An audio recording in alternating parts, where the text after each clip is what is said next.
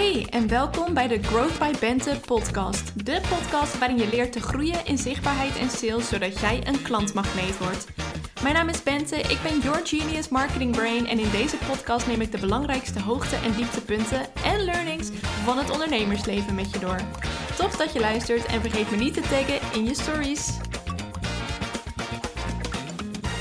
Hey, welkom terug bij de Growth by Bente podcast. We merken allemaal dat het bereik op Instagram aan het dalen is. Een paar jaar geleden was het veel makkelijker om viral te gaan met een post, om daarmee nieuwe mensen te bereiken, om zo nieuwe volgers aan te trekken. Vorig jaar hadden we veel hogere story views, hadden we veel meer bereik met onze posts. Nu lijkt de rek er een beetje uit te zijn. Gaat Instagram ten onder?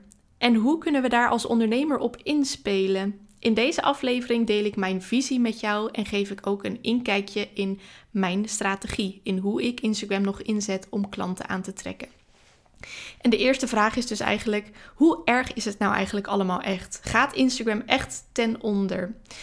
En ik heb dat een tijdje bijgehouden. Ik, uh, tot voor kort deed ik elke maandag mijn data in een Excelletje opschrijven. Because I'm nerdy like that. Ik hou heel erg van cijfertjes en van dingen kunnen analyseren. Dus ik heb het een tijdje bijgehouden, wat ik, um, uh, hoe zeg maar mijn Instagram data is veranderd in drie jaar tijd. Ik zag dat ik in drie jaar tijd zo'n 3000 volgers heb aangetrokken. Dus vanaf 2018 tot 2021 had ik elk jaar. Nee, wacht, 2019, 2020, 2021. Oké, vanaf 2019 tot 2021 heb ik elk jaar zo'n duizend volgers aangetrokken. Die ook echt bleven plakken, want dat moet je ook altijd maar net zien. En sinds begin dit jaar is die groei gestagneerd. Dat betekent dat ik sindsdien evenveel volgers als ontvolgers heb. Uh, soms zelfs meer ontvolgers. Dus dan zie ik het gewoon weken achter elkaar achteruit gaan, mijn volgersaantallen. Vorige maand heb ik zelf duizend volgers verwijderd, omdat ik in het begin, toen ik deze Instagram aanmaakte, ik nog blogger was en vooral daarover aan het posten was. Nou, inmiddels is mijn hele focus natuurlijk veranderd. Ben ik ondernemer en wil ik dus in mijn volgersgroep ook vooral klanten hebben. Dus ik heb vorige maand duizend volgers verwijderd die niet meer in mijn ideale klantgroep hoorden. En dat waren een paar van die spam-accounts, maar vooral accounts die helemaal niet meer actief waren. Accounts van mensen die helemaal geen ondernemer zijn. Dus die, uh, of accounts van andere bloggers. En dat zijn niet uh, mijn ideale klanten. Dus die heb ik uh, verwijderd uit mijn doelgroep. En ik zie dus um, dat de groei stagneert qua aantallen volgers. Maar, en dat is natuurlijk een van de cijfertjes waar we als ondernemers heel erg op letten. Want dat staat zo pontificaal op je profiel. Daar word je elke keer met je neus op gedrukt. Zo van, je hebt weer een ontvolger, bitch. maar, um, dus het is logisch dat we daar een beetje op letten. Maar als je dan verder en dieper gaat kijken naar je Instagram-data, tenminste dat zag ik dus toen ik net mijn analyse aan het doen was, toen zag ik dat mijn bereik, dus hoeveel mensen mijn content zien, al die tijd ongeveer gelijk is gebleven. Zelfs nu ik die duizend volgers verwijderd heb. En hoe dat komt is Um, ik zie dat mijn storykijkers gedaald zijn. Dus ik heb minder views op mijn stories. Ik zie ook dat mijn postbereik is gedaald. Dus ik heb minder views op mijn posts. Maar mijn bereik met Reels is gestegen. Dus Reels maakt het zeg maar goed um, dat ik een kleiner bereik heb met mijn stories en mijn posts. En wat daar ook nog bij komt, is dat mijn strategie ook veranderd is, waardoor ik nu een stuk minder post dan een paar jaar geleden. En uh, elke post levert natuurlijk meer bereik op. Dus zelfs als ik minder post en als ik duizend, volger, uh, ja, duizend volgers minder heb dan uh, vorige maand, is mijn bereik nagenoeg hetzelfde gebleven. Dus ehm, dat vond ik heel interessant. Dat was heel eventjes kort mijn data. Dus ja, mijn volgers stijgen niet meer. Uh, af en toe wel hoor, het fluctueert een beetje, maar de, de trend is dat het uh, nu hetzelfde blijft. En mijn bereik is ook een beetje hetzelfde gebleven, maar die is dus hetzelfde gebleven ook in de hoogtijdagen, zeg maar, van Instagram. Nou, hoe komt dat nou? Uh, dus het bereik is niet meer aan het stijgen. Dat is natuurlijk wel iets waar je je zorgen om kunt maken. En ook dat je je volgersaantallen niet ziet stijgen. En dat het dus ook minder makkelijk voelt om nieuwe volgers aan te trekken. Want dat is dus wel echt zo. En er zijn een aantal dingen die, ehm, die dat veroorzaken. Dus die ervoor zorgen dat die volgersaantallen een beetje stagneren. Dat het minder makkelijk is om nieuwe volgers aan te trekken. En dat die story views uh, en post views laag blijven. En er zijn dus een aantal dingen. En de eerste is, en dat is de belangrijkste, dat er een enorme content overload is. Er wordt veel meer content op Instagram geplaatst dan we met z'n allen kunnen nuttigen. Kijk bijvoorbeeld maar eens naar je eigen timeline. Hoe vaak zie je dat bericht dat je het einde van je timeline hebt bereikt? Of hoe vaak komt het wel niet voor dat je alle stories van iedereen die je volgt hebt bekeken? Nou, in mijn geval bijna nooit. Soms doe ik wel eens mijn best in het weekend. Dan vind ik het toch wel leuk om even alle stories te kijken. Ook om mezelf eraan te herinneren wie ik ook weer allemaal in mijn netwerk heb. Maar zelfs dan, dan ben ik echt nou een uur volgens mij bezig, misschien zelfs langer. En ehm, als ik dan klaar ben met al die stories kijken en ik ververs mijn Insta homepagina, dan staan er weer 100 stories uh, voor me klaar. Dus dat komt gewoon bijna niet voor. En dit is typisch uh, een manier om die content overload te illustreren. Dus elke week, uh, nou nee, elke minuut, elke seconde wordt er content geüpload. En wij zitten niet natuurlijk elke seconde van de dag al die content te nuttigen. Er wordt veel meer content geplaatst dan we aan kunnen. En om dat te reguleren heeft Instagram het algoritme um, geïntroduceerd. Dat is natuurlijk al een paar jaar oud. Dus Instagram probeert met dat algoritme heel erg te voorspellen van dit ga jij interessant vinden, dus dit zetten we bovenaan. En dit ga je minder interessant vinden, dus dat laten we ergens onderaan bungelen. Of dat krijg je helemaal niet te zien. Maar door die content overload is er dus heel veel content waar jij tussen op moet vallen. En dat wordt steeds lastiger. Dat zorgt ervoor dat je bereik aan het dalen is, zowel van je stories als van je posts. Ten tweede vinden we het ook met z'n allen veel minder interessant om content van anderen te bekijken. In het begin was dat nog wel heel interessant. Toen kwam iedereen een beetje over die zichtbaarheidsdrempel heen was het heel erg nieuw. En dan was het elke keer, oh, nu is er stories. Oh, nu zijn er posts. Oh, nu is het heel hip om, uh, nou hip, nu is het heel, uh, werkt het heel goed om van die Canva-posts te maken waarin je quotes deelt of waarin je tips deelt. Oh, nu uh, zijn Reels weer helemaal nieuw. Dus in het begin was dat nog spannend en vonden we dat ook nog best wel interessant. Haalden we daar inspiratie uit. Mensen deden creatieve dingen. Mensen waren alles een beetje aan het uitvinden. Nu doet zo ongeveer iedereen hetzelfde. Ik heb maar weinig mensen op mijn timeline waarvan ik denk: ah, die vind ik interessant.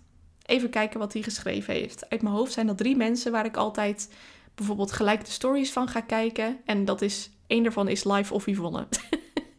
dus één daarvan is een Juice kanaal. En voor de rest zijn het dus nou, twee ondernemers die ik interessant vind qua stories. En de rest, ik heb net er ook weer eventjes doorheen gescrolld. Iedereen doet hetzelfde. Iedereen zegt en roept ook hetzelfde. Dus het is gewoon niet meer zo interessant allemaal. Er zijn weinig vernieuwingen. Ehm, er zijn weinig creatieve aanpakkingen, uh, aanpakken. Dus we vinden het met z'n allen minder interessant wat daar allemaal te zien is. Wat er ook nog meespeelt, dat zijn de keuzes die Instagram zelf aan het maken is. Instagram ziet zelf ook dat er minder tijd wordt doorgebracht op Instagram. En dat ze namelijk een heel erg concurrerend platform ernaast, uh, dat er een ander platform terecht is gekomen. Nou, niet terecht. Oké, dat er een ander platform is ontwikkeld, namelijk TikTok. Um, en die, eh, Instagram ziet het succes daarvan. En die denkt: holy shit, daarvan is de tijd op dat platform doorgebracht veel hoger dan op Instagram. Dus TikTok weet kijkers veel meer aan zich te binden. En daarom krijg je. Um, dus en, Instagram is daarop aan het inspelen. Daarom krijg je nu bijvoorbeeld veel vaker reels te zien in plaats van posts. Dus Instagram die ziet het succes van TikTok, die denkt: hey, dat wil ik ook. En die probeert reels naar voren te schuiven om met TikTok te kunnen concurreren. Maar Instagram doet dat veel minder goed dan TikTok. Want het algoritme van TikTok is gewoon fantastisch. Als je daar eenmaal op zit, En je ehm, laat een beetje door je acties weten wat je interessant vindt. Dus dat doe je niet eens bewust. Dat gebeurt vaak onbewust, doordat je langer blijft plakken bij video's die je interessant vindt. En sneller video's doorscrollt die je minder interessant vindt. Ehm, en daardoor heeft TikTok echt een geweldig algoritme ontwikkeld. Dus jouw hele um, For You-page daar, die is gewoon helemaal afgestemd op jouw interesses, die je niet eens bewust hebt doorgegeven. Maar op Instagram werkt dat nog niet zo goed. Dus Instagram die laat altijd flut content zien, ook qua reels. Um, en daarom hebben ze nog een hele weg af te leggen voordat ze datzelfde effect kunnen creëren. En sterker nog, ik denk dat Instagram, doordat ze nu zo'n slecht algoritme hebben, maar toch die reels proberen te pushen, dat ze daarmee mensen aan het wegjagen zijn van het platform. Want als je Instagram opent, is er gewoon nu heel weinig interessants te zien. Dat is, uh, dat is uh, ja, een feit. Ze slaan echt de plank mis met voorgestelde reels. Dus reels van mensen die je niet volgt, maar waarvan, waarvan Instagram wel denkt dat jij ze interessant vindt. Ehm, dus ook dat zorgt ervoor dat we eigenlijk met z'n allen gewoon minder op Instagram zitten. En dat jouw content dus ook minder goed opvalt op de timelines. Dus tot zover even een aantal dingen die daarin meespelen. Die ervoor zorgen dat het lastiger is om nieuwe mensen te bereiken. En dat het soms kan voelen alsof Instagram ten onder gaat. Dus als je naar dat soort cijfertjes kijkt, naar je volgers, naar je bereik, naar je story views, kan het inderdaad zo aanvoelen. Maar wat ik nog veel belangrijker vind, is dat ik nog steeds al mijn klanten direct uit Instagram haal. Ik verkoop heel veel via DM's. Al mijn klanten die volgen mij op Instagram en die zijn daar voor het eerst met mij in aanraking gekomen. En ondanks dat mijn bereik aan het dalen is, is mijn omzet nog steeds aan het stijgen. Terwijl Instagram daar dus nog een heel grote rol in speelt. Want Instagram is voor mij nog steeds op dit moment het belangrijkste kanaal. En bij mijn klanten zie ik dat ook. Die hebben ook de meeste klanten die via Instagram binnenkomen. Dus ik vertrouw er wel op dat, ondanks dat mijn bereik is gedaald, dat ik nog steeds de juiste mensen wel bereik. Mijn potentiële klanten. En daar gaat het om. Maar Ehm, dus dat vertrouw ik helemaal. Maar dat betekent niet dat ik ervan uitga dat dat altijd zo blijft. Ik denk wel dat het ooit afgelopen gaat zijn. Dus ik ben wel alvast mijn kansen aan het spreiden. En dat adviseer ik mijn klanten ook. En dat heeft allemaal te maken met de klantreis. Dat is de reis die iemand aflegt van het eerste moment dat hij jou tegenkomt tot het moment dat hij een aankoop doet. En eigenlijk nog daar voorbij. Dus het zijn alle touchpoints vanaf het eerste, de eerste ontmoeting, of die nou online is of tijdens een netwerkevent, tot aan ehm, nou, dat iemand een fan is en uh, terug, terug, uh, terugkerend klant wordt. En je hebt als ondernemer een aantal kanalen nodig om die klantreis te ondersteunen. Die klantreis, ik gebruik altijd daarvoor om dat uit te leggen het Google-model. En dat Google-model dat heeft vier fases. See, think, do en care. In die eerste fase, de see-fase, gaat jouw klant jou ergens zien. Die komt jou ergens tegen. En op basis van dat hij jou ergens tegenkomt, uh, kan hij gaan besluiten of hij jou bijvoorbeeld gaat volgen en of hij verder in jouw content gaat duiken. In de think-fase is jouw klant uh, aan het overwegen of hij met jou gaat samenwerken. Dus de think, hij is aan het denken van, goh, zou deze persoon mij verder kunnen helpen? In de do-fase doet hij een aankoop. En in de care-fase wordt die klant, die is dus inmiddels klant, en die wordt fan en die wordt hopelijk terugkerende klant. Nou, voor al deze kanalen heb jij middelen, eh, voor al deze fases van die klantreis heb je middelen en kanalen nodig om um, jouw klanten van de ene fase naar de volgende fase te laten gaan. En die C-fase, dat is die eerste fase, dat is een van de belangrijkste fases. Want als ze je niet kennen, kunnen ze ook niet voor je kiezen. Ze moeten jou ergens tegenkomen om jou te kunnen overwegen. En die C-fase, die vindt vaak plaats op social media. In mijn geval um, dus bijvoorbeeld Instagram. En ik probeer dat nu ook een beetje op te bouwen op LinkedIn. Ik heb TikTok ook een tijdje gedaan. Maar ik denk toch dat mijn uh, klanten meer op LinkedIn zitten. Ehm, en daar, in die fase, heb je dus vaak een social platform nodig om mensen voor het eerst tegen te komen. Eh, een andere optie is om in deze fase in te zetten, is bijvoorbeeld uh, Google. Dus als je aan het bloggen bent en je bent heel goed met um, zoekwoorden strategisch inzetten, dan kan deze fase ook via Google plaatsvinden en via jouw blogs. Maar dan wil je wel zorgen dat de klantreis vanaf dat moment ook weer verder loopt. Dan, um, dus dat is een beetje mijn strategie. In die C-fase zet ik nu nog heel erg Instagram in en ga ik ook uh, LinkedIn meer inzetten. In die think-fase heb ik mijn podcast. Je gaat mijn podcast niet luisteren als je niet aan het nadenken bent over, uh, nou, of als je in ieder geval niet overtuigd bent van mijn waarde, van mijn toegevoegde waarde. Dus uh, mijn podcast zit in mijn think-fase. Mijn podcast um, kan ook geschikt zijn om op gevonden te worden. Dus stel dat mensen zoeken naar, uh, nou, bij deze aflevering Instagram gaat ten onder. dan kunnen ze mijn podcast tegenkomen. Maar ik ga daar niet van uit. Ik ga ervan uit dat mensen mijn podcast luisteren die mij al een beetje kennen. En die ervan overtuigd zijn dat, ze mij, uh, dat ik uh, leuk ben en cool en goed in mijn werk. um, ook die, uh, mijn YouTube-kanaal um, ondersteunt mijn thinkfase. Dus via mijn vlogs leren mensen mij nog beter kennen. En als ze de inhoud in willen duiken, dan kunnen ze mijn freebies downloaden. Dus dan kunnen ze. Ik heb een aantal checklists. Ik heb een toolkit die mensen kunnen downloaden. Um, dus dat zijn ook manieren om mij beter te leren kennen. In de doelfase, dus als mensen een aankoop willen doen, uh, gebruik ik eigenlijk al die bovenstaande kanalen. Dus zowel mijn Instagram als mijn LinkedIn, als mijn podcast, als mijn vlogs. Um, die dragen allemaal bij aan uh, dat mensen een aankoop bij me gaan doen. En dat vindt dan plaats op mijn website. Dus mijn website is dan het kanaal wat dat ondersteunt. En de rest van de kanalen die ik net opnoemde, die drijven mensen naar de website. En natuurlijk ook e-mail marketing. Want als mensen mijn freebies hebben gedownload, dan krijgen ze af en toe nog wel eens wat van me te horen via de mail. En um, ja, dat is dus ook, um, dat zet ik dus ook als kanaal in in deze fase. En in de care fase, dus hoe ik in contact blijf met mijn bestaande klanten, dat is ook via e-mail marketing, uh, maar ook via mijn podcast en mijn Instagram. Dus eigenlijk komt er bij elke fase een nieuw kanaal bij, zou je kunnen zeggen. En ik ben me dus in die eerste fase, in die C-fase, waar Instagram voor mij nu een belangrijke rol speelt, ben ik uh, kansen aan het spreiden door ook LinkedIn daarbij te zetten, daarnaast te zetten eigenlijk als kanaal waar ik op ontdekt kan worden. En het fijne van LinkedIn is dat, je het, uh, dat het daar een stuk makkelijker is om organisch nieuwe mensen te bereiken. Op Instagram is het algoritme eigenlijk best wel gesloten. Dus alleen met reels of als je heel veel engagement hebt, kun je nieuwe mensen bereiken.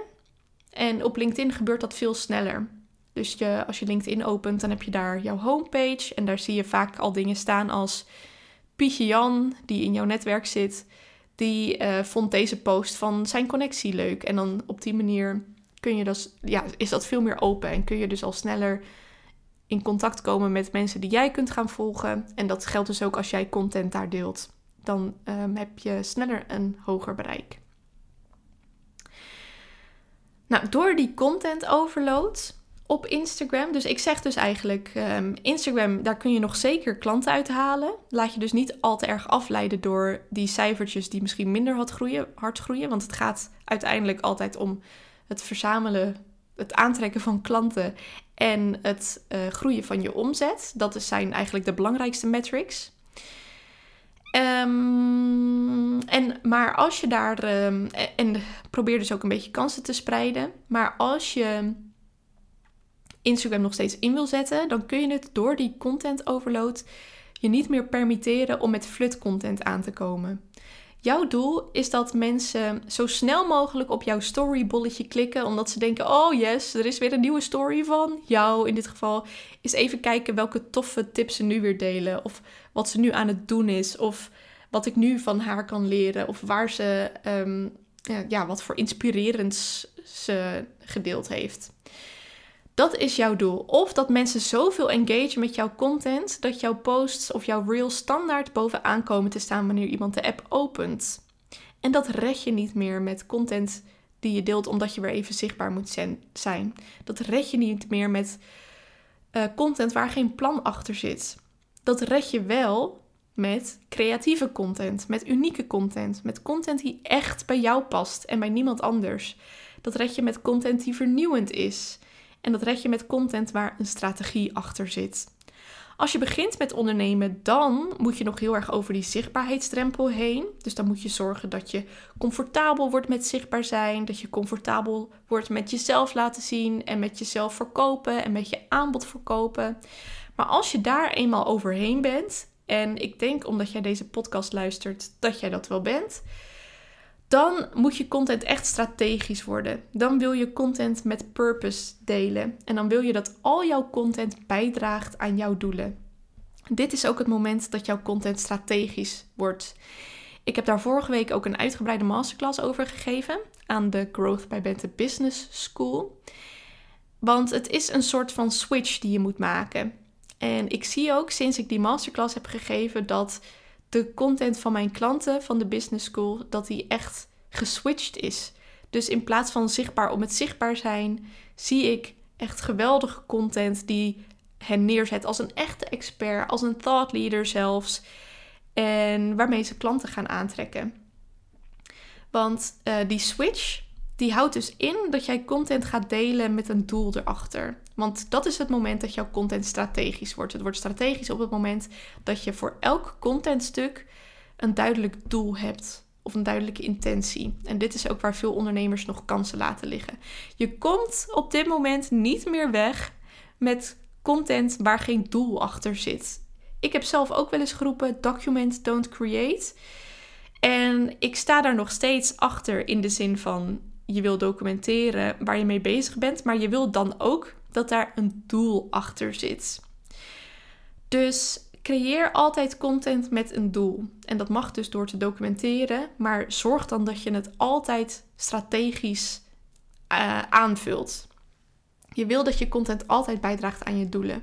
Van alle content, dus van elke post op LinkedIn, op Instagram, van elke e-mail, van elke video, van elke reel, van elke story, wil je dat het iets oplevert. Want elk contentstuk, dus elke post, elke story, elke mail, elke reel, elk contentstuk is een kans om jezelf sterker in de markt te zetten, om jouw plek in de markt echt te claimen. Het is een kans om je volgers of je netwerk meer kennis met jou te laten maken, zodat ze meer vertrouwen in je krijgen en in je willen investeren. En het is een kans om te bewijzen dat je echt die expert bent. Elke stuk wacht, elk contentstuk is een kans op groei, mits je de juiste content deelt. En mits je een helder doel in je hoofd hebt van wat dat contentstuk voor jou moet doen. En die doelen kunnen bijvoorbeeld zijn nieuwe mensen bereiken, je expertstatus claimen, dus jezelf echt als expert neerzetten, thought leadership claimen, dus jezelf echt als leider neerzetten, je engagement verhogen, vertrouwen creëren, relaties opbouwen en sales. Dus zorg dat elk stukje content bijdraagt aan jouw doelen. Dat er altijd minstens één van die doelen achter zit. Dat er altijd een strategie achter zit. Want dat is de enige manier om die geweldige content. Uh, sorry. om die geweldige klanten aan te trekken. Oh, te veel over content gedeeld. Oké, dat was hem weer vandaag. Als deze podcastaflevering je heeft doen overtuigen dat wij een geweldige match zijn, dat ik jou verder kan helpen bij het groeien en opschalen van je bedrijf, bekijk dan op bentebemelman.com slash werk met mij hoe ik je verder kan helpen. Het linkje staat ook in de show notes. En dan zie ik je bij de volgende aflevering.